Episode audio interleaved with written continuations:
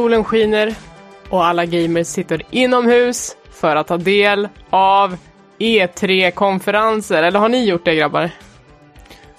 Absolut. Jag tror du skulle säga ta, ta del av senaste avsnittet av Späckat. Det gör de också. Jaha, inte vänner då? Friends, Niklas Nej, favoritserie. absolut inte. Absolut Nej, inte. aldrig. Aldrig. Eh, ja, jag har tittat på E3. Mycket i år. Jag tänkte att så här, jag, var, jag försökte faktiskt vara extremt så här, positiv, ha ett öppet sinne i år. Ehm, och så titt- Hur, hur har in, inställningen varit annars då, tycker du? Den har väl varit positiv överlag, men jag har ju liksom blivit bränd flera gånger av E3 och, och eh, ja. Men jag tänkte nu, det, det kickade igång lite som en, så här för, en liten försmak eh, med det här Jeff, Jeff Keelys show. Summer Game Show eller vad den hette. Mm, ja, den var ju inte riktigt E3-kopplad, men den är ju samtidigt som resten av E3, så man bara... Den Det får var- vara med i samma paket. Det var lite, jag tror det var lite trash talk till och med från Jeff Ja, Keelys faktiskt. sida mot E3. Eh, men ja, så jag, jag, gick, jag började titta på den då, eh, torsdagen där innan E3 och eh, var glad i typ två sekunder. Sen så insåg jag att det här var skitdåligt. Pärlor för svin. Det var två, det var två timmar långt. Eh, det avslutade ju med en eh, Elden Ring-trailer, så folk blev ju glada över det förstås. Men eh, fram till dess var det ingen hit. Såg ni det här, eller? Eh, jag har varit så här, eh, väldigt försiktig. Jag har nästan medvetet duckat hela E3 och liksom eh, sparsmakat valt ut några sådana här Twitter-följare som jag har liksom haft på min browser som jag liksom scrollat igenom på morgonen för att liksom få en schysst summering av vad som har hänt. Sen om det har hittat något eh, som ser intressant ut så har jag faktiskt eh, djupdykt lite mer i det, kanske sett en trailer eller någonting. Eh, vi kommer väl prata lite mer om det senare, men Eh, jag vet inte vad det här... Det, det, det, det är ett jävla jippo nu som är för, lite för regisserat kan jag tycka, eh, tyvärr. Eh, vad säger du Elisabeth? Eh, Med, medhåll på det. Alltså, det, Ja. är, det är tråkigt att det bara är de här digitala regisserade konferenserna. Men Niklas, du sårar ju mig när du säger att att Summer Game Fest kickoffen var tråkig fram till Elden Ring, för jag har ju faktiskt varit med och drivit ett av spelen som hade ett stort nummer på den konferensen. Tack! Tack Niklas! Burn. Eh, Om man säger så här, jag tittade på FZs livestream och eh, när Sable kom så eh, klippte de till studion faktiskt. För att eh, gubbsnacka lite. Nej! Jo, Fuck, svartlistad eh, FZ nu. så jag, Jag jag, inte stå med på presslistan längre. Skojar bara, ni får DMa mig om ni vill ha tillbaka min gunst. mm, Eh, nej men vi, vi eh, hade ju alltså ett, ett musiknummer på, på den showen där eh, artisten Japanese Breakfast framförde ett eh, musiknummer ifrån, för hon skriver soundtracket till Sable då som jag jobbar med. Eh, och då framförde hon det live framför en, eh, en jävligt maffig eh, skärmuppsättning med Mm. spelet i bakgrunden. En av våra favoritartister också den senaste tiden måste jag säga här. Är det? Ja, jag, jag Niklas eh, är ju superfan av henne. Ja, ah, roligt. Jag eh, har inte lyssnat på henne så mycket fram till nu när jag liksom har börjat jobba med henne och kollat in hennes musik eh, i efterhand. Men eh, jag ska säga att den är, den är ganska annorlunda ifrån det hon gör i spelet. Ehm, men hon är ju bra. Grym. Hon är skit, skitbra. Eh, det sårar mig lite Elisabeth, det säger rätt så mycket hur ofta du är på min Twitter och tittar på min omslagsbild. För där har jag haft henne i flera år. I en sån här koreansk nationalklänning och halsar alkohol. jag visste inte att det var hon. Jo, Ja. det är det. Mm, mm, mm. Där ser man. The more you Ja. know. The more I carry. Eh, nej. Typ så. ja. ja, bra. ja. Men eh, jag tänkte innan vi hoppar in på de här eh, liksom E3, alltså trailersna och sånt där som vi ju ska prata lite om så jag vet att Elisabeth, du har ju lite scoops eftersom du har ju för första gången varit från andra sidan. Ja, i ET-sidan så, eh, jag har ju jobbat med, som liksom på spelutvecklarfronten tidigare, men, men just det här eh, att vara i maskineriet runt ett E3 har varit väldigt nytt för mig och det har varit superstressigt. Det är ju därför jag har varit liksom frånvarande i några avsnitt och, och haft mycket att göra. Eh, för att det är ett sånt himla Eh, det är så mycket som ska liksom fixas inför det här. Vi har, vi har liksom haft x antal aktiveringar nu under juni som har cirklat runt de här E3-eventen.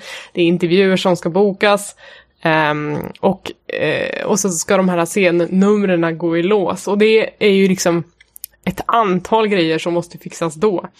Så det stora har varit liksom att låta vårt mediateam få Eh, få ordentlig tillgång till spelet och få alla verktyg de behöver för att kunna spela in trailers och sådana grejer. Det handlar ju liksom om att typ låsa upp kameror och sådana grejer. Alltså, alltså allt det här äh, småfixet i bakgrunden som man inte tänker att det, att det ska vara. Eller att man tänker att det bara funkar, men det gör ju inte det. Någon måste ju gå in och lägga in de här inställningarna så att allting funkar. Eh, så det har varit liksom en skitstor grej. Och det här, och här är det jag kommer in på nu. Eh, det är ju att eh, idag när vi spelar in så eh, börjar också Steam Next Fest, vilket är den stora demofestivalen. Det var ju en sån i februari tror jag, vi pratade om den då i ett avsnitt. Eh, nu är det en ny sån festival och vi då i samband med att vi har fått en massa nu eh, publicitet runt vårt spel så lägger vi också ut en demo så man får testa början av spelet. Och det har ju varit min grej liksom att, att eh, ja, men se till att vi har en demo som funkar och buggtesta den och eh, nu till slut också lansera den. Så det har varit en jävla håll igång med det här spelet mm. för att vi ska få det här att funka. Och skamlöst betala en reklamspot i späcket och få in Exakt. det här. uh, nej men eh, för liksom så här, vi är ju bara ute efter en grej i det här läget. Uh, vi, vi, vi avslöjade releasedatumet. Och det är inte, det är inte liksom att få pre-orders, utan det är bara att få wishlist. Det är liksom det enda som får indiespelvärlden att gå runt just nu, det är wishlist. Man vill att folk ska wishlista en spel, för det innebär inte nödvändigtvis att de kommer köpa spelet, men det innebär att Steam tycker att okej, okay, det här är ett spel som är värt att lyfta i mm. våran butik. Och det är super, super värdefullt. Um, så det är den hårdvalutan vi jagar nu när vi gör alla de här grejerna i ett stort, stort grepp. Mm. Det måste vara ett helvete eh, med andra ord att skoskava sig in eh, där. Ja, ja, men du måste ju ha vissa muskler för att få folk att ens upptäcka spelet och börja wishlista det. Mm. Um, så att du, du måste ha någon slags dragkraft från början. Gärna typ en tweet som blivit viral eller något sånt där. Mm. Uh. Om ni är smarta så kan ni ju bara skicka spelet till mig så kan jag ju twittra om det till mina 250 följare tror jag har. Du har 128 följare för jag är inne och kollar på din Japanese breakfast header just nu så det var ju hälften så mycket Tommy. Oh, jag pratar om Instagram här. Ah, Twitter får du okay. sköta själv. Okej, okej, okej.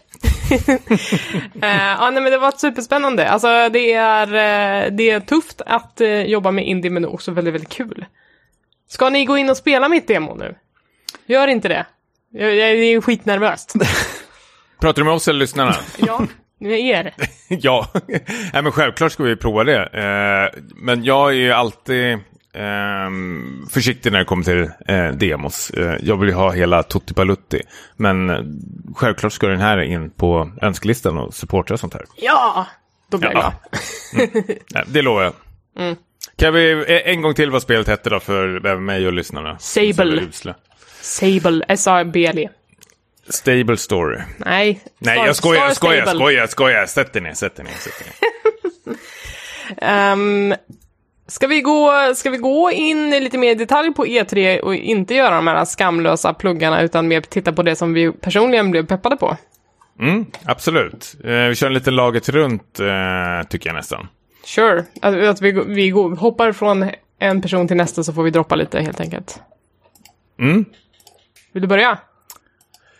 Du som är Tommy. Exakt. Det var du som pratade sist så jag tänkte att vi hade en grej på gång här. Ja, äh, men eh, jag börjar väl kanske med något eh, lite mindre men även så ack stort. Och det är ett av de första liksom, skräckspelen som jag eh, eh spelade när jag var liten. Men till Playstation 2-eran och nu ser jag fram emot den här eh, ja, nytändningen utav det. Och det är Fatal Frame som ska komma till eh, Switch så Maiden of eh, Blackwater eller vad eh, den har för så här, ologisk undertitel.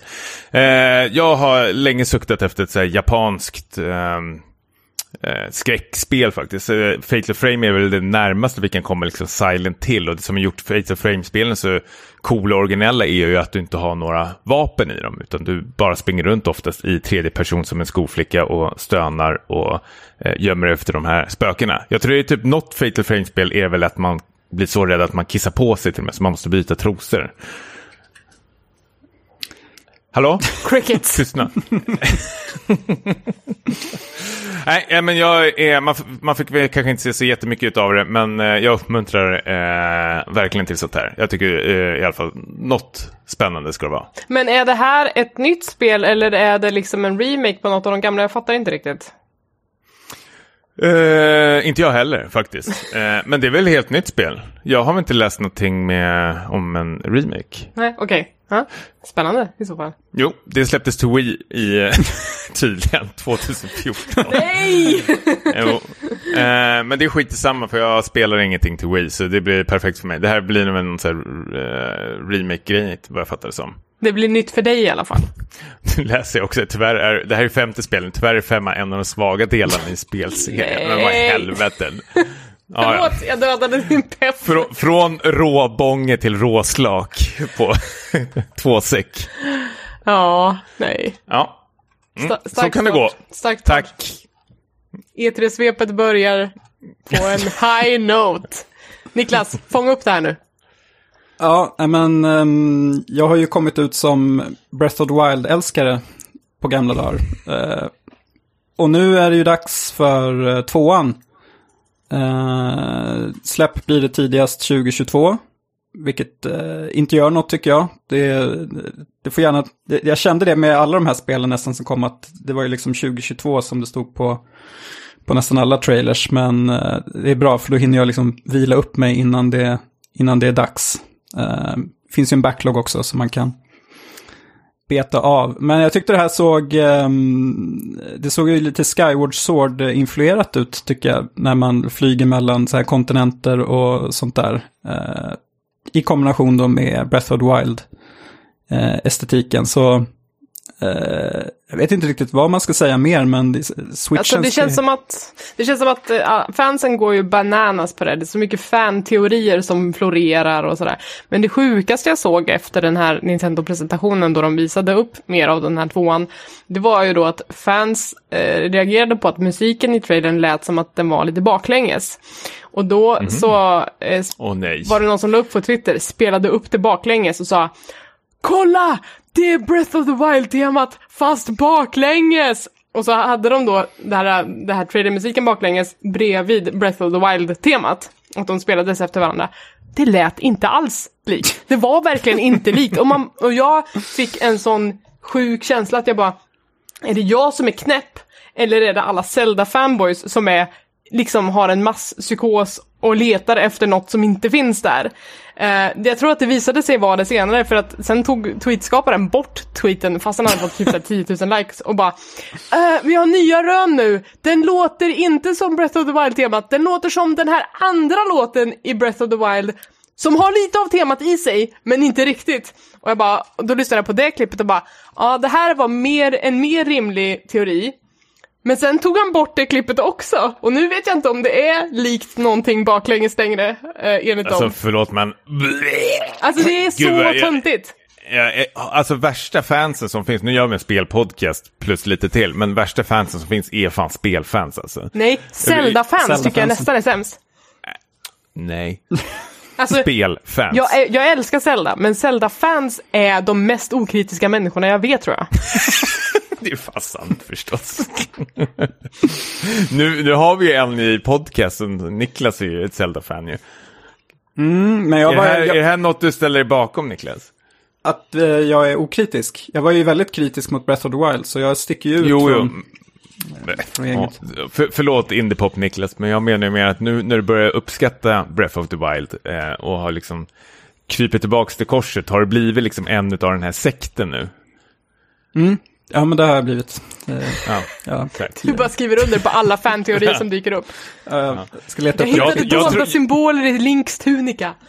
Ja. Jag tror du, Elisabeth, först skulle droppa att eftersom de hade spelat en baklänges så tror jag det skulle vara någon slags Majoras Mask-grej och tid och allting sånt där. Jag, fick, jag var så jävla nervös eftersom det är det sämsta jävla Zelda-spelet som någonsin har gjorts. Är det Så. det? Ja, det är skitdåligt. Men vadå, är det sämre än typ Skyward Sword och liksom de här mellantitlarna? Absolut. Jaha.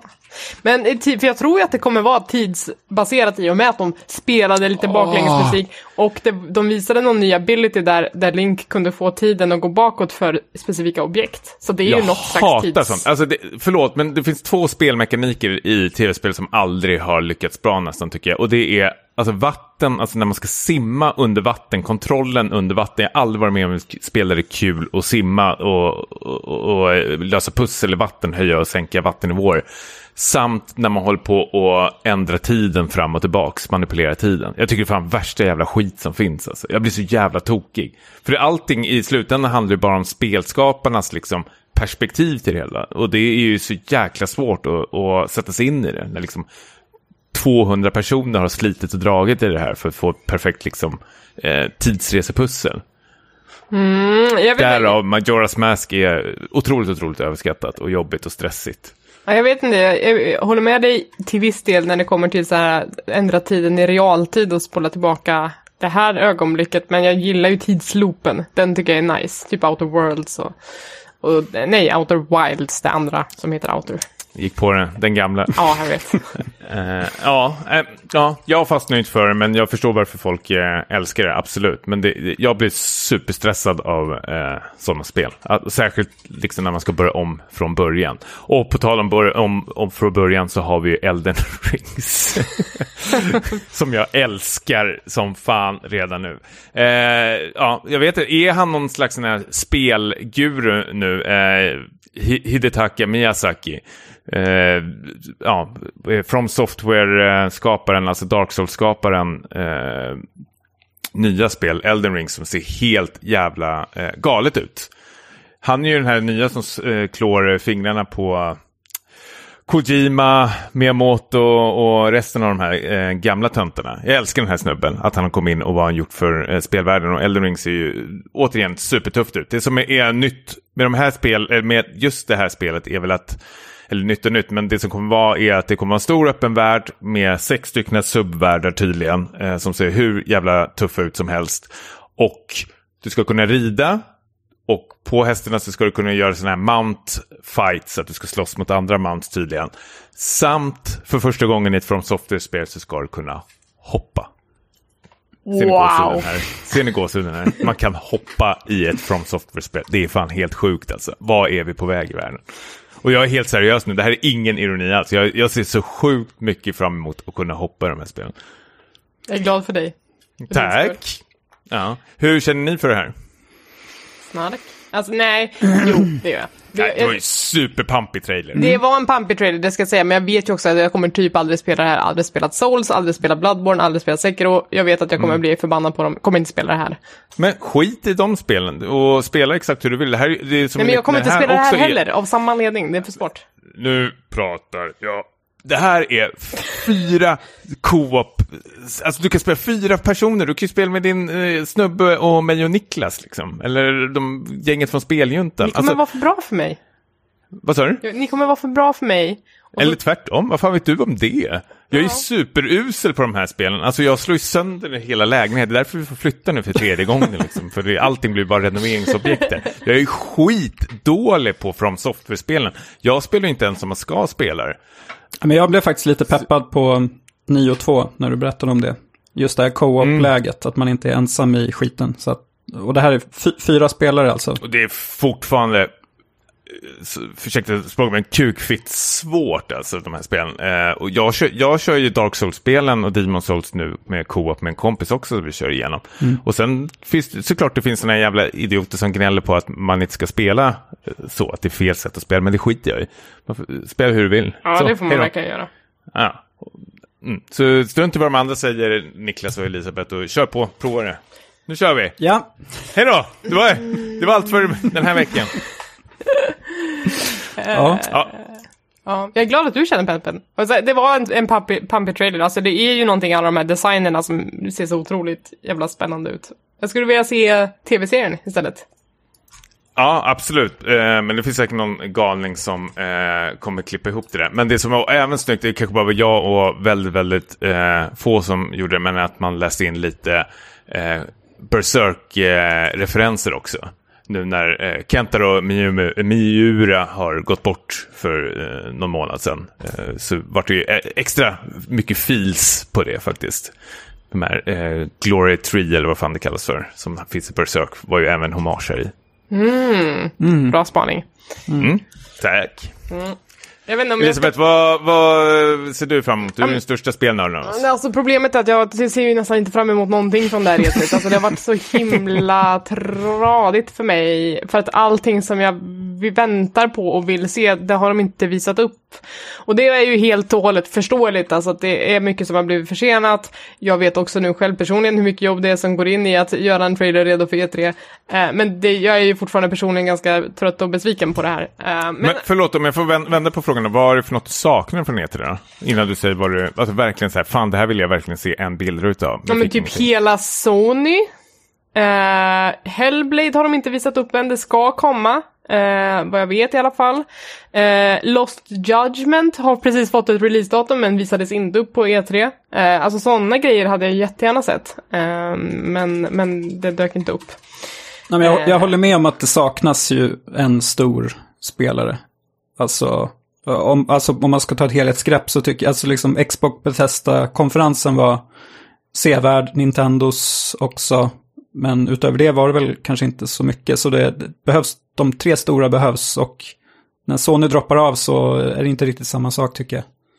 Och sen, sen är det ju också så att Nintendo gick ju till och med ut och sa att vi har ingenting från Metroid Prime 4 så nu får ni något annat istället. Eh, och Bayonetta finns in, fin, ingenting där heller. Eh, men vi kan prata om det kanske. Metroid eh, Dread. Eh, Det var någon av er som har skrivit upp det också men jag blev också lite pepp på det här. Första 2D, första nya 2D Metroid på många, många år.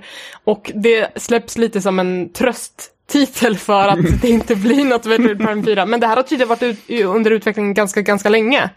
Ehm, problemet är väl att det inte, det såg inte ut att vara världsklass. Ehm, jag vet ju att jag kommer älska ett 2D Metroid. Det är nice liksom. Det kommer ge mig det man gillar av ett Metroid. Men när man tittar och synar det lite grann i sömmarna hur det såg ut så såg det ganska dött och platt och lite pajigt ut. Ehm, Plast, mycket- plastigt liksom. Ja men plastigt, ja. Alltså designerna såg bra ut men finishen såg liksom plastig ut. Mm. Och det här är ju samma studie, alltså Merciless Steam, som har gjort eh, Samus Returns och de här Castlevania-spelen också, Lords of Shadows och sånt. Alltså andra Metroidvania-liknande eh, spel. Men sen vet jag inte hur mycket av det teamet som är, är egentligen kvar. Det vågar jag inte svara på. Men det är väl så här spanskt eh, baserad studio, eh, om jag inte har helt fel. Men eh, vi håller väl eh, tummarna för det. Ja, ja det, det, det, det är ju någonting att spela medan man väntar på Prime 4 i alla fall. Och det, det kan räcka ibland. Ja, jag, jag satt mest och tänkte på så här, för det finns ju väldigt många sådana speltjänster nu, alltså, alltså Metroidvania-spel som kanske har gjort, liksom, gör den här grejen bättre än vad Nintendo gör själva numera. Nu har jag inte spelat det här som sagt, det kanske är jättebra, även fast det såg lite eh, trist ut. Men jag tänkte om man jämför liksom det estetiska med eh, det här spelet Replaced, som eh, Ja. hade ju lite så här, det är ju pixel, pixel, cyberpunk, eh, lite så här gotisk touch. Så tyckte jag det såg mycket mer spännande ut. Och om vi ska gå in på det här liksom, pri, det prismässiga, liksom, det, det spelet lär du ju få för kanske 200 spänn, medan Nintendo kommer ta så här, 700 spänn för det här Metroid Dread. Eh, Ja. Sitter inte ni och funderar på något sånt? Är det jag som är snål som tänker lite att jag kan få massa bra spel istället för de här Nintendo-exklusiva titlarna? Alltså du har ju rätt. Det är, ju- du, du, har inte, du, du har ju absolut rätt i att det kommer förmodligen se ut så när, när de här två spelen släpps. Så att, I don't blame Alltså, you. Nej, men det är väl så kan vi säga om allting även eh, när det kommer till musik och allting sånt där också. Det är ju ett, Metroid är ju ett större namn än Replaced då utnyttjar ju det. Alltså folk går ju hellre se Rolling Stones och betala för det än eh, Japanese Breakfast till exempel. Så, Även fast vi vet att Rolling Stones suger. Jag kommer inte, kommer inte ta den här fighten. Men eh, Replaced, alltså så, Okej, såg ju... Rolling Stones. Jag brinner inte för Rolling Stones eh, jättemycket heller. Men Replaced såg ju kanon ut alltså. Det eh, var ju en riktig looker det här spelet. Eh, såg liksom har den här pixelgrafiken men har lite av den här 3D-rummet i sig och den här moderna ljussättningen som gör att det blev så en otrolig stämning och atmosfär i det. Eh, lite cyberpunkig retro framtid. Eh, Bla- Blade Runner. Blade Runner, ja ja. Men, det, men det var inte, det var inte Blade Runner-grejen som fångade mig i det, utan det var mer polishen. Alltså det såg så jävla polerat Mm. ut på ett bra sätt. Vad vet, jag vet jättelite om det. Ni verkar ju superinsatta i det. Eh, vad, vad, vad är det för typ av spel? Är det ett Metroidvania-spel det också eller? Jag vet inte, jag tänker att det kan vara eh, ganska liksom linjärt. Eh, tyckte jag det såg ut. Det, det, det jag såg att det, det kommer till Xbox Game Pass, eller Game Pass, precis som alla de här titlarna. Så det Mm. kommer ju vara lätt att ta reda på. Men jag, jag vet faktiskt inte mer än själva trailern. Men någon slags action verkar det ju vara. Det var, var ju combat i den. Ehm, men hur det kommer att vara strukturerat, det vet jag inte. Coolers. Eh, ja men då fortsätter väl eh, Mainstream-Tommy då, om det är helt okej. För Mm. det är ingen som eh, har pratat någonting om Final Fantasy Origins. Chaos. Stranger of Paradise, eller vad fan heter det? Ah, Hörru, tonen. mm, det var inte... Det var Har, har, har Final Fantasy-spel någonsin haft en dålig titel? I'm going to kill chaos. Yeah! Fuck yeah! Alltså Chaos för alla inbitna, oinbitna Final Fantasy-fans som inte vet, det är ju sista bossen i första Final Fantasy-spelet och därför bara reste sig JRPG-håret. Eller hur Niklas? Vi ser det. Jag, jag, jag tror jag missade det här sp- spelet. När visar de det här? På Square Enix presentation. Jaha. Och Så, så jag tyckte att Square Enix ha- hade liksom en spektakulärt dålig presentation i år. Eh, det var massa lösa trailers som bara var typ sådär lite bilder och lite text. Alltså det var svintråkigt att titta på deras konfa. Eh, och sen så hade de nu då det här eh, Final Fantasy Strangers of Paradise, Final Fantasy Origin. Jag fattar inte ens vad det är för spel. Det var så himla himla märkligt. Det var så här, det stövlade in tre snubbar med en t-shirt på sig och skrek I'm going to kill chaos. Och sen så var det bara, nu åker vi. Fast vänta, om det är någonting som vi vet att du gillar Elisabeth så är det tre Final Fantasy-snubbar i, I som ska helst vara lättklädda. ja, men, det, är, det, är inte ditt Final Fantasy-spel typ Final Fantasy 15 eller någonting? Mm, Det är det enda Final Fantasy-spelet jag har spelat klart. Ja, precis. Det säger rätt så mycket. Jag säger nu är det liksom snubbdags igen där du ska springa igenom med de här killarna. Nej, men om vi ska vara helt eh, seriösa så är det här Tim Ninja som ligger bakom det. Alltså, det här som ni två har pratat om väldigt mycket, de här två nio-spelen som hyllas i den här podcasten om och om igen hela tiden. Och man märker, ja. Och man märker att eh, de har ju egentligen gjort en Ctrl-C, Ctrl-V här med hela, team, eller med hela Nio-mekaniken och sånt. Alltså det är rappt, det är lite ja, Souls-inspirerat. Eh, plus att du kan liksom välja, alltså du kan hoppa mellan olika klasser vad jag fattar som. Alltså, det finns ett demo ute, jag har inte provat för jag hörde att det var så jävla rufft att ladda ner. Det var till och med så här, filerna var korrupta och sånt där. Så de fick lägga upp det på en, eh, om det igen i Playstation Store. Så de hade ju inte världens eh, roligaste liksom, lansering av det här spelet eh, när de skulle visa upp det för alla. Men jag håller tummarna i alla fall för, för jag, är, jag älskar Team Ninja, jag älskar nio-spelen och det ska bli skitspännande vad det här är för någonting och jag hoppas att det blir ett co-op-spel till mig också. Eh, faktiskt. Ja, någon måste ju vara den tredje killen med t-shirt liksom. Det kanske är vi tre som är de tre killarna med t-shirt. Ja, det vore ju svinkul faktiskt. Då kan vi hålla på och brofista varandra. Elisabeth tar oss under armen liksom och gnuggar Ja. våra huvud, precis som niorna gjorde på mig i sjuan. Mm. Ja.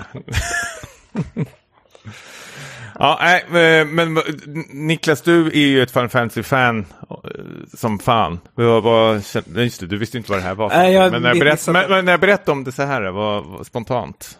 Ja, lite blandade känslor, men eh, det lät väl kul att de testar på en ny genre. Eh, och att de lånar ut sitt franchise lite till eh, andra eh, utvecklare. Tycker jag ändå tyder på visst, eh, visst mod. Så jag ska, jag ska kolla närmare på den här trailern som tydligen är ganska omtalad. Jag såg, ju till och med spelare också. Och så kan du räkna hur många gånger de säger I'm going to kill chaos. ja, Ja. Det är mycket one-liners i den här trailern. kick some ass! Får jag också Nej. prata lite nostalgiska JRPG'n? Ja. Tommy, du vet vad... Jag blir lite rörd Är det nästan. surkoden? Det är surkoden. Eh, Ett, ettan och tvåan är ju två av de bästa spelen som gjorts, kanske. Jag minns det så. Eh, som att de var ganska magiska. Och nu eh, kom ju det här spelet som jag knappt kan uttala, Aiden Chronicle 100 Heroes. Eh, som eh, är väl ett så här kickstartat projekt, eh, tycker jag mig minnas, som typ... Eh, Ja, de, de tjänade in alla sina stålar över en natt i princip. Det är inte bara jag som har längtat efter en återkomst till, till den här äh, världen. Det, det här är ju ett nytt spel, men det liksom, man ser ju i trailern och liksom äh, att de verkligen spelar på nostalgin, nostalgin och de här inzoomningarna och musiken och allting. Så det är Hur mycket chippar du in för det här projektet då? inte en spänn, men jag, köpte... Jag missade att, eh, jag var sen på bollen som vanligt, men jag kommer ju köpa det om, eh, om det kommer ut någon gång. Det stod 2023, så det, är, ju- det här är ju långt, långt fram i tiden. Eh, det, är, det är lite synd, eh, tycker jag, att, att många spel visas lite för tidigt, tycker jag. För det här kommer ju säkert vevas liksom i två E3s framöver, så att man kanske hinner ledsna på det. Eh, men, eh, ja, Ja. något att se fram emot längre fram. Jag tänkte väl att det finns väl en... eh, eh, att, det, att det är mm, slut på pengar här och att de måste Måste visa upp det. fånga ja, in visa sådana som det mig som missade första. Ja men precis, för sedan liksom, alltså jag tänker på, åh gud det heter inte Bloodborne, vad fan heter han? Eh, Castlevania. Bloodstained. Eh, Bloodstained, precis. Att det var ju samma sak där, att de visade ju upp det typ fem år innan det Ah, släpptes. just det. Och sen fick liksom folk börja liksom chippa in var eftersom och förboka och allting sånt där. Att man fick tjäna in pengar på eh, den vägen faktiskt. Mm. För det är ju pissdyrt att eh, göra spel, eh, även när det är indiespel eh, också. Så, och jag tror de här Kickstarter-pengarna räcker ju bara en bråkdel. Du måste skramla in pengar på annat sätt också. Men vad tycker vi om det då? Är det, är det okej att göra så? Pengarna måste in. Allt stavas med pengar. Alltså de, gör ju inget omoraliskt eller oetiskt. Eh, Det, var, det, det stod väl inte pre-order now någonstans, eller gjorde det det? Nej. Nej. men eh, det är väl bara en tidsfråga tänker jag väl. Jag spekulerar nu hej vilt. Eh, det kan ju, det, en annan inkomstkälla kan ju vara ehm, Xbox också, för visst visades den upp på Xbox-presentationen? Ja, Och det var lite Game Pass-grejer och sånt där. Xbox kan ju betala dem också en summa för att säga hej, var exklusiva hos oss x antal månader. mm. Ehm, det kan man också få ganska mycket pengar för. Men hur fan funkar det där tänker jag? Alltså hur mycket är Xbox villiga att betala för det här spelet? För jag tycker att det här är väl så pass eh, nischat spel att det är väl bara en bråkdel nästan av JRPG-fansen som kommer att spela det här. Eh, Jag vet inte, jag tror att Suikoden har så pass stor nostalgisk bäring att det nog kan komma in en hel del cash för det. Ja, nu har jag inte ett jättebra exempel, men jag tänker att det finns ju liknande fall där det liksom man har liksom grävt fram de här gamla klassikerna som folk har gapat efter. och sen när de Shenmue. väl har släppt...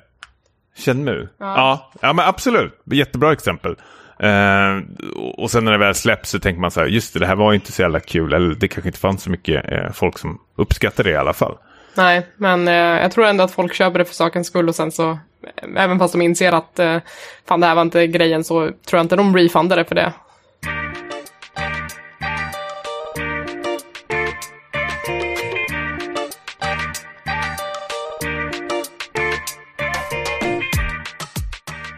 Eh, men om vi går vidare då. Det var en, eh, en eh, presentation som hette Wholesome Direct, där det var en massa små indiespel. Bara, och det har varit flera sådana där små presentationer som man inte riktigt vet vart alla de här små spelen kommer ifrån. Jag vill bara droppa tre snabba därifrån.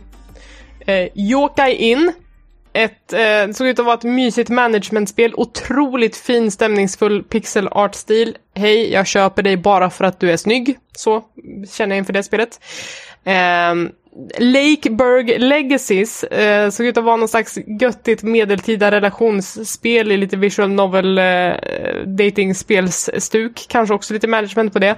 Hade också en eh, himla fin polerad eh, tecknad look. Eh, jag, jag går jättemycket på utseendet här. Och sen så är det ett spel som jag tycker att man ska ha lite koll på och det är Paralives.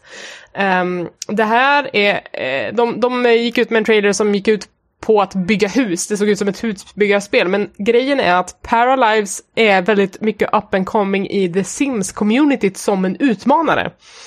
Um, The Sims-fansen, de som spelar Sims 4 just nu och har gjort det i många, många år, är ju konstant missnöjda med hur EA behandlar The Sims. Eh, de får väldigt mycket nya uppdateringar men de är aldrig nöjda.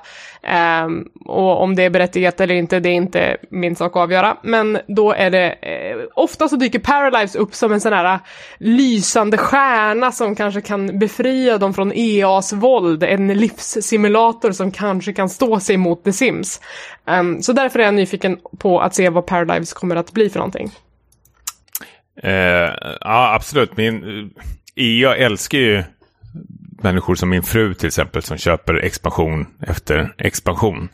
Eh, jag vet inte om man vågar introducera det här spelet. Men eh, förlåt, jag, jag varit faktiskt jätteintresserad av det här eh, också. Men, och titta lite snabbt på gameplay. Jag ser inga människor. Jag ser, ser bara ut som... Nej, eller jag snabbscrollar som fan. Nej, alltså den Eh, trailern som de visade på E3 var bara husbygge, men som jag förstår det så ska det liksom slutspelet vara eh, alles.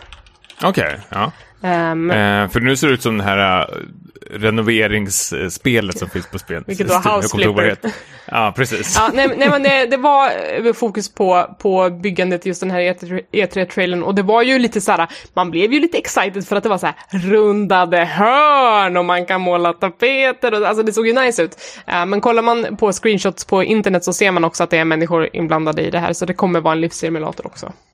Ja, nej, men så de tre, de tre småspelen tyckte jag var eh, lite extra spännande att hålla extra koll på. Men det var ju också ett annat indiespel som jag reagerade på som jag tror att ni också är lite spännande på, nämligen Daniel Mullins nästa spel, skaparen av Pony Island och The Hex, båda varmt hyllade i späckade kretsar.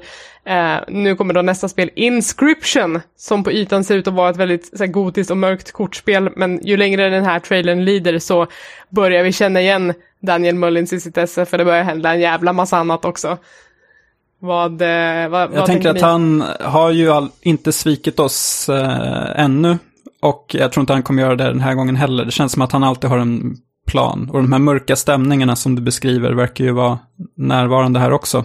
Eh, Det, det jag reager- reagerade på var att det var, alltså den här kortspelsdelen som ändå verkar vara liksom fronten för vad det egentligen är, var jävligt snygg. Det känns som att han har tagit ett step upp liksom när det kommer till grafik och sådär. Så att eh, det var väldigt Men roligt att se. växer inte hans team Det kanske mer och mer känner jag. Ja, att det går, har gått väldigt bra för The Hex och Pony Island. Förhoppningsvis. Eh, vad vet jag om det. Men, eh, ja, men absolut. Det, det här uppmuntrar vi verkligen till. kan jag fylla på med ett, eh, ett litet spel som eh, heter Starfield. Åh, vad, vilket litet spel. Ja, jag gi- gillar ändå att eh, Microsoft och Bethesda lät, lät liksom kaxigt och öppna med, med det numret. Med Todd Howard på scenen som fortfarande liksom har ju mycket att, Minvänlig. Ja, precis. Mycket att bevisa efter Fallout eh, 76 nu. Eh, och eh, jag, måste säga, alltså trots att vi liksom inte har fått se så mycket alls, det var väl knappt någon gameplay i den här trailern, det var, bara, det var liksom lite cinematics och liksom de, de beskrev en känsla, men jag gillade det lilla jag såg. Eh, jag, jag är otroligt förväntansfull för vad det här eh, kommer bli. Jag hoppas att det blir något riktigt så här eh, pretentiöst, eh, deppigt, i, ingen humor, så här liksom, eh, gärna typ så här Death Stranding i rymden, något sånt i, i den stilen vill jag ha. Eh, inte, inte så här Fallout i rymden eller något sånt där, utan, eh, för det har vi ju redan i Outer Worlds, tänker jag. Utan jag, jag vill att de går i eh, rakt motsatt eh, riktning med Starfield. Lite Mass Effect. Ja, fast nej, jag vill något mer sk- skitigare vill jag ha det. Jag vill ha ja, i, ja. inga rymdvarelser. Jag vill att, de, att det är sparsmakat med sånt. Jag vill att... eh, Det kommer Mystik. säkert... Glöm dröm. Eh, att, de, eh, spar, eller att de sparar på rymdvarelser. Jag tror det kommer vara raser och allting. Eh, Orosmolnet här är när man börjar säga eh, blanda ihop Skyrim och allting. Eller gamla Bethesda Open World-spel är att liksom hur det här kommer att spelas. För jag är inte så jättesugen på att åka runt i olika planeter fram och tillbaka. Jag är fortfarande i chocktillstånd efter No Man's Sky. eh, där man börjar upptäcka att de här planeterna är inte så unika. Utan då tycker jag, eller hoppas jag i alla fall, eh, att man lägger eh, full kraft och energi på en planet som man ska utforska eller någonting. Eller jag, jag har jättesvårt att se vad det här spelet ska bli. För så fort man börjar utforska rymden så är det så jävla stort och man vill liksom trycka in så otroligt mycket eh, i det. Um, alltså kom, I den här trailern så ser vi även liksom man, man springer runt man springer runt i en skepp, alltså någon som är på en skepp. Då börjar jag tänka så här, okej okay, ska man flyga runt i det här spelet också? I skepp eller är det bara en transportsträcka? Alltså det är mycket, jag tycker det väcker mer och mer frågetecken än svar egentligen och det oroar igen. Ja, jag tänker att det kanske blir som det här Star Wars-spelet, Jedi Fallen Visst. Order. Um, senaste där med fem planeter typ. Ja. Som du. Men det kommer nog inte, liksom, jag tror inte det är det som Bethesda-fansen vill ha. De vill ha nog det här uh, No Man's Sky-aktiga, liksom att det, möjligheterna är uh, oändliga. Och då finns det ju förstås risk för besvikelse. Eh, Det är mycket möjligt att det här blir en, en eh, något som inte kommer vara det jag har förväntat mig. Men jag gillar liksom, typ som jag gillade att peppa inför Death Stranding för att man inte riktigt visste vad det skulle bli. Även fast det fanns liksom så här orosmoln där på horisonten. Så, eh, Ja, men, men Death Stranding hade ju mer liksom en, en cinematisk eh, trailer tyckte jag. Och ett, liksom, ett, ett, det kändes i alla fall då som ett genomtänkt eh, mysterium som vi skulle få ta del utav. Eh, sen kan vi diskutera resultatet efteråt, men det här känns ju bara som en pissnygg full, full motion eh, video som jag tycker ofta ser bara, eh, de säger, alltså det visar bara att de har Nej men det, det visar väl, vad, vad säger det egentligen? Att de har väldigt mycket muskler i spelföretaget, alltså kan eh, på, bekosta sig på sånt här. Men det säger ju fortfarande ingenting om spelet, utan det väcker bara mer frågetecken återigen för Ja, mig. alltså det är samma här. Jag ser, jag ser bara en beställd CG-trailer. Jag ser inget uns av spel här. Eh, så att, sådär, jag tänker inte följa med i den här hypen som Bethesda vill bygga för det här. För om man tittar på deras track record så är det ju, Eh, de, de släpper jäkligt buggiga open world-spel. That's what they do.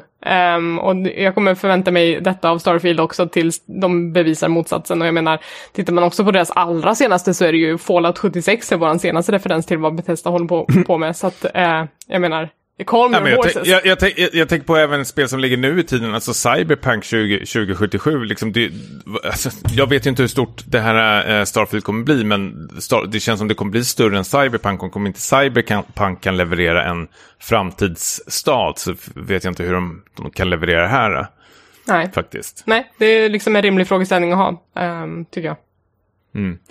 Och jag är supersugen på Cyberpunk, men jag kommer inte spela det förrän om ja, tidigast ett år. Eh, Same. då man förhoppningsvis fixar till det. Eh, ja. Jag känner exakt samma. Eh, och, så, och jag gissar att det kommer vara Niklas så är med... ledsen. Ja, men, ja, men jag gissar att det kommer vara så med Starfield också, att, jag, att det kommer vara liksom trasigt vid släpp och sen så kommer det vara spelbart och minnesvärt ett eller två år senare. Men Eh, tror ni, man, tror ni man vågar släppa spel efter? Man kan väl dra en lärdom av Cyberpunk. Eh, Det kändes som att det var eh, en brytpunkt ändå, liksom att man, man kan inte komma undan med vad som helst. Men det farligaste de har gjort nu, det farligaste de har gjort nu, det är ju att de har sagt ett datum. Det är ju det absolut man, dummaste man kan göra, ett och ett halvt år i, i förväg. De säger att det kommer 11 november 2022. Och det, det, de har ju valt det datumet för att det följer liksom deras tradition när Skyrim släpptes den 11 november 2011. Eh, eh, och så då, då liksom har de valt det där datumet bara för att. Eh, Har det inte med eh, bokföringen? Att det är Q3 är det oftast bokföringsrekord och då Jo, måste man men det, visa... jo men, det, men det är också den här traditionen att det finns ju symbol i den här siffran som alla på Twitter liksom gapade om. Och eh, alltså... Ja, ja, ja, det är mer en pengafråga att de vill ju eh, alltså- bokföra och, och få in eh, investeringar där också. De, alltså de är ju, det är ju folk som betalar för det här i bakgrunden också. Som eh, skiter i hur spelet blir. De vill ju bara ha pengar ju. Alltså Mm. nu är jag supercynisk här, men så är det tyvärr. Alltså. Jo, det, men det är ju så här, skitsamma vem de gör det för. Att sätta ett datum nu är skitfarligt. Eh, och frågan är då, är det spelskaparna själva som har valt att sätta datumet eller är det investerarna, alltså de som sitter högre upp, som har tvingat dem att sätta ett datum på det? Det är ju också en fråga man som är värd ställa på det. Um, Vi får se.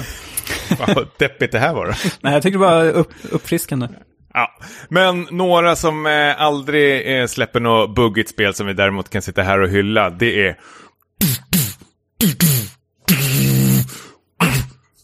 Battlefield 2042. Motherfucker. Vi är tillbaka. Boys, girls, alltså sätt er ner alltså. Inget jävla fjolligt första, andra världskrig pissar. Nu fan kör vi automatvapen, rödpunktssikte, helikoptrar, sådana här uh, roliga suits där du flyger. Ja. Är ni med? Jag är inte med. De tog, de tog bort single play-kampanjen, då finns ingen anledning för mig att spela Battlefield längre. Hej då! Jag var skit, det, var, det var typ den bästa nyheten jag varit med om att single player försvann. Alltså jag, jag, jag typ doppar inte ens tårna i single player i Battlefield 1 och eh, 5 som jag tyckte var otroligt eh, mediokra eh, spel faktiskt. Ettan hade ju rätt bra single play tycker jag. Det är möjligt, jag spelade inte igenom det. Jag, jag pratar om hela spelet faktiskt, eh, i sig. Eh, jag, det här är ju back to old school för mig i alla fall. Jag, jag måste ju ha helikoptrar och automatvapen. Det måste gå lite snabbare. Det går inte att ha någon jävla senapsgas här, inte i min skola. Eh, utan du måste kasta iväg från liksom, så här, stora Shanghai-byggnader. Eh, och det ska vara mycket elektronik. Och, nej, jag vet inte, jag, jag, jag tyckte det här... Jag har, jag har sagt till mig tusen gånger att jag kommer aldrig, aldrig i hela världen köpa ett eh, DICE-spel igen första dagen. Jag har förbokat det redan. Som, jag, jag är sån jävla hycklare. Alltså. Svag person. Ja, det är jag. Det är jag. Eh, och det kommer vara pissbuggigt det här och de kammar någon slags medhårs. Eh, för att nu har de ju klippt bort alla kvinnor och mörkhyade personer som de fick mycket kritik för i Battlefield 1 och, och 5 när de släpptes. Så nu är alla nöjda, Ja, eller det är så hur? jävla sorgligt tycker jag. Ja, det är det. De så här, orkade Faktiskt. inte en kontrovers till, så nu safear de. Ja. Eh, och jag är nöjd då. Nej. Men, vad- eh, ja, vad sa du? vad tycker Niklas? För ni spelade väl båda två, eller hur? Ja, vi körde ju Battlefield 1 och 5 då. Eh, och det är de enda jag har spelat. Tommy har ju liksom berättat om de här tidigare spelen, så här, liksom att det, var- det var liksom det riktiga Battlefield. Så här. Sen har det bara blivit sämre, som han sa nu. Så, här. så nu är det ju lite upp till bevis här också, tänker jag, om vi spelar det här. Eh, det är ju möjligt att det inte kommer vara lika bra som det gamla ändå, Tommy. Men Nej, hur, hur, men hur lång tid kommer det ta innan man blir trött på de här sandstormarna som flyger fram? otroligt snabbt. Eh, på en pissekvart. Ja, ja, jag, jag, jag blev trött på dem när jag såg dem i trailern.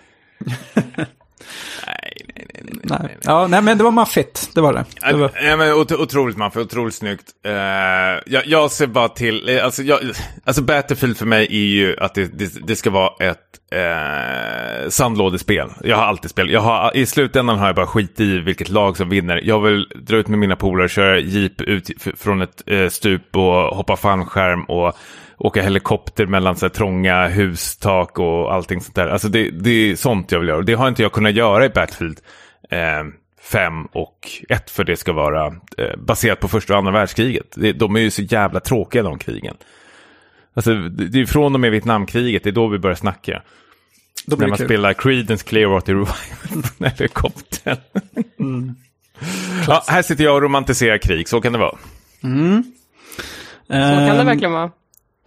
Jag tänkte ta tempen på er om eh, Life is Strange True Colors. Det är inte första gången de har visat det här spelet, men eh, en ny trailer var det ju i, i alla fall. Eh, jag tyckte ju att Life is Strange 2 verkligen hade någonting, att det var ett steg ifrån första Life is Strange och bjöd på lite nytt och kändes som att det, det på många sätt var lite mer rörande än det första spelet för min del. Um, hur känner ni?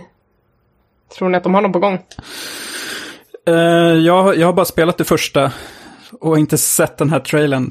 Ehm, jag tyckte första spelet var väl lite så här... eh, det var väl kul. Det var, lite- Life is cringe var det väl uh, bitvis. Men, Det var det. eh, du har ju hyllat eh, den här serien fortsatt, Elisabeth. Så uh, tyck, tror du att det toppar, pikar det här i, i det här nya spelet eller går det att toppa tvåan? Det, såhär, det finns ett stort orosmoln här och det är att det inte är samma utvecklare. De har ju lämnat över Life is Strange uh, till en annan utvecklare. Uh, om vi ska se, det var ju Don'tnod som utvecklade det första spelet. Och det andra spelet som jag förstått det, ja precis, båda, båda de första och andra spelen. Sen så hade de hjälp av en mellanstudio som heter Deck 9 som gjorde Before the Storm som var lite av en prequel till ettan. Och mm. det var lite sämre. Eh, alltså så här, motorn är ju detsamma, det såg likadant ut. Men det var, alltså storyn, jag tyckte inte den var lika skarp. Och det är den här studion nu som gör True Colors. Eh, okay. Så det kan vara det stora orosmolnet här för mig. Mm. Ja. Mm. Uh, jag har alltid tänkt på en sak, alltså det kanske du kan svara på Elisabeth när du spelar uh, andra spel som inte jag har lagt ner. Jag gillade ju första spelet väldigt, väldigt mycket och det jag gillar otroligt mycket utav det som inga andra spel verkar göra, det är att man använder riktig, riktig musik. Men alltså, vad fan kallas det för? Vanlig musik från artister Ja, de licensierar musik liksom. Ja, mm. precis. Alltså vi hade liksom José González, Sparkle Horse, Sid Matters. Eh, det var eh, Bright Eyes vill jag minnas också. Alltså vi hade ett svinbra eh, soundtrack som verkligen passade in i spelet också. Jag fattar inte varför inte spel eh, utnyttjar det här mer, som filmer gör till exempel. Dyrt. Ja, men om det är någon som tjänar pengar så är det väl ändå spelindustrin i alla fall. Och jag tror att det är ju också ett Twitch-problem, tänker jag. Jo, uh, men det, men, men det, jo, men sånt där vart ju DMD för eh, någon månad sedan kom ju de där reglerna upp. Alltså det här är ju ett problem som har varit sedan eh, flera år tillbaka. Alltså Kojima gjorde, vet jag, på Metal Gear Solid 5 att man kunde lyssna på eh, gamla kassettband och lyssna på uh, Joy Division och, och sånt. Eh, mm. vilket är hur tufft som helst. Du kunde ju i eh. Death Stranding kunde ju också sätta upp så här, spe, sådana här laddningstorn som spelade musik också. Som mm. också var av artister. Men, och, och Far Cry 5 räddades av soundtracket ifrån, vad heter den här gruppen nu igen? Hammock. Ham, precis. Som också är helt jävla galet bra. Men jag ser det liksom för tok för sällan och skulle vilja ha mer utav sånt faktiskt. Eh, för oftast är instrumental musik i tv-spel eh, rätt så... Mm. Men, det, men det, är, det har ju ingått i Life is Strange-traditionen. Alltså det har ju varit en av den, de starka punkterna i den serien så jag tror inte att de kommer frångå det.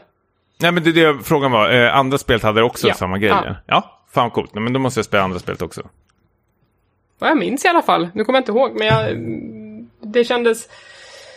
Jag kan inte påminna mig om att jag saknade det i det andra spelet, så det måste ju ha funnits med. Uh, får jag bara dra Songs of Conquest lite snabbt. Det har ju visats förut. Uh, jag har för mig att du Elisabeth har pratat om det tidigare. Det är ju lite så här Heroes of Might and Magic uh, liknande. Det är kanske bara jag som, som, som har peppat för det här. Men det är väl svenskutvecklat det här spelet. Otroligt vacker grafik. Turordningsbaserad strategispel som jag minns jag spelade om det var tvåan eller trean, då var det så här liksom att man, man spelade med sina kompisar lite så här hot seat och turades om att spela, men eh, det var länge sedan nu, så det, det här är väl, kommer väl bli multiplayer-fokuserat, gissar jag. Jag tyckte trailern var skit eh, i alla fall. Och är peppad. Mm, jag kollar på lite screenshots här, jag blev peppad nu när du pratade om det. Mm. Uh, så bra, bra spaning tycker jag. Yes. Har vi något mer? Jag ville bara säga att jag är pepp på Mario Rabbids 2. mer ja. Mario, mer Rabbids. Sparks of Hope heter det här spelet och introducerar eh, Rosalina från Galaxy, Super Mario Galaxy och hennes Rabbid motpart. Eh, mm. jag, ty jag, tyckte bara att det, alltså, det första spelet var så himla mysigt och kul och roligt. Jag skrattade jättemycket åt det. Och var ganska bra strategi. Så att, att det kommer en tvåa känns bara helt rätt, tycker jag. Mm. Jag är peppad. På tal om det, har vi inga XCOM-spel som kommer snart?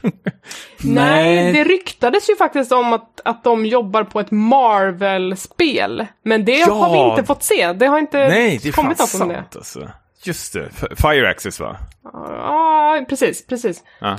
Mm. Uh, och det var ju liksom en av de där stora spaningarna, så här, läckan innan E3, men det har du faktiskt inte visat upp, så det, det hade jag glömt. Men, uh, mm. ja. men det hamnar väl i uh, burken på spel som vi hade hoppats på att se i alla fall. Ja, det gör det. jag tror, tror att det hade kunnat bli bra. Har vi något mer som vi har missat som vi skulle vilja lyfta från E3? Jag tror inte det. det var, vad skulle ni sätta för betyg? Jag sätter Trå tråkiga 3 plus blir det. Ja men det är en svag 3 plus för mig. Alltså Xbox och Bethesda räddade upp hela helgen väldigt mycket. Uh, Bethesda? Ja men det var ju en samlad konferens, det var inte Ja, Bethesda okej, som, ja, ja, som... Jag tror du menar Bethesda-spel. Nej, nej, nej, utan den konferensen räddade upp Mm. väldigt mycket. Men eh, det ska också sägas att vi inte har fått se EA än. De kör ju inte förrän i juli. Så där, jag undrar om vi kan få se lite Dragon Age 4 där. Det hade varit nice. Och ett nytt Mass Effect också ska komma. Ja, de har ju teasat det, men jag tror Dragon Age kommer komma först. Så de Absolut, Kommer nog, det gör det. de kommer nog att slå på stora trumman för det först. Du då Tommy, vad sätter du för betyg? Jag vet inte. Två. Godkänt. Ja, Du tittade ju inte ens på konferenserna så att... Ja. Lita på oss. det Svag trea. Som vanligt kritvit eh, mellanmjölk. Det är det vi gillar.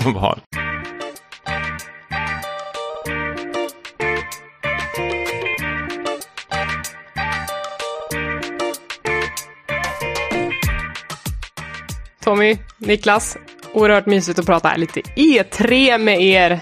Nästa avsnitt av Späckat så är vi väl tillbaka lite i eh, film och tv-seriebok Harry Hole-träsket som vi påbörjade eh, tidigare avsnitt. Vågar vi tisa att vi ska prata om eh, nästa Harry Håle-bok? Ja, det tror jag. Kackerlackorna? Ja, Det kan, det vi. kan vi lova. Ja. Jag har läst klart den till och med. Jag kan ju säga, det, det blir ju bättre. Svårt. I Harry Håle-universumet blir det bättre. Ja. Eh, ja, det ser jag fram emot. Jag har inte riktigt kommit in i boken än, men jag, eh, jag bävar och eh, samtidigt längtar jag lite grann också. Mm. Härligt. Gött. Hörni, var hittar man oss när man vill veta mer om Späckat och se mer av våra vackra nunor? Tommy, var ser man den här Japanese breakfast-bilden i din Twitter-header? Eh, på Tommy understreck Jansson finns jag. Och där twittrar jag ditten och datten. Faktiskt. Niklas, var hittar man dig då? Då blir det väl Instagram, uh, One Last Niklas. Men du Elisabeth. sitter ju och håller på och smyglajka massor med saker på Twitter också har jag märkt. Syns det? Ja, det Ja, syns. jag vet. ja, men ibland så dyker jag upp där. Men jag twittrar inget, tyvärr. Nej. Ja, jag finns på Hangry Eli på Twitter. Eh, jag vet inte vad jag postar om längre, men eh, kul blir det oftast. Ja, absolut. Och podden, den hittar man ju på eh, Späckad podd eller Späckad podcast eller Späckat. Det heter lite olika på lite olika ställen. Vill man mejla oss och säga något kul så finns vi också på späckadpodcast@gmail.com. Och glöm inte att tanka ner Sable nu också. Ja, på Ja, Steam. Next Fest demofestival. Tidsbegränsat. One chance Gåshud. only. Finns på Xbox också om man vill spela demon där hellre. Mm. Kommer till Game Pass. Ja, Ja, Mm, bra. underbart. Då, då är det ju klockrent ju. Snyggt! Tack för idag Ta hand om det. Tack ska Puss du ha. Hej. Hej.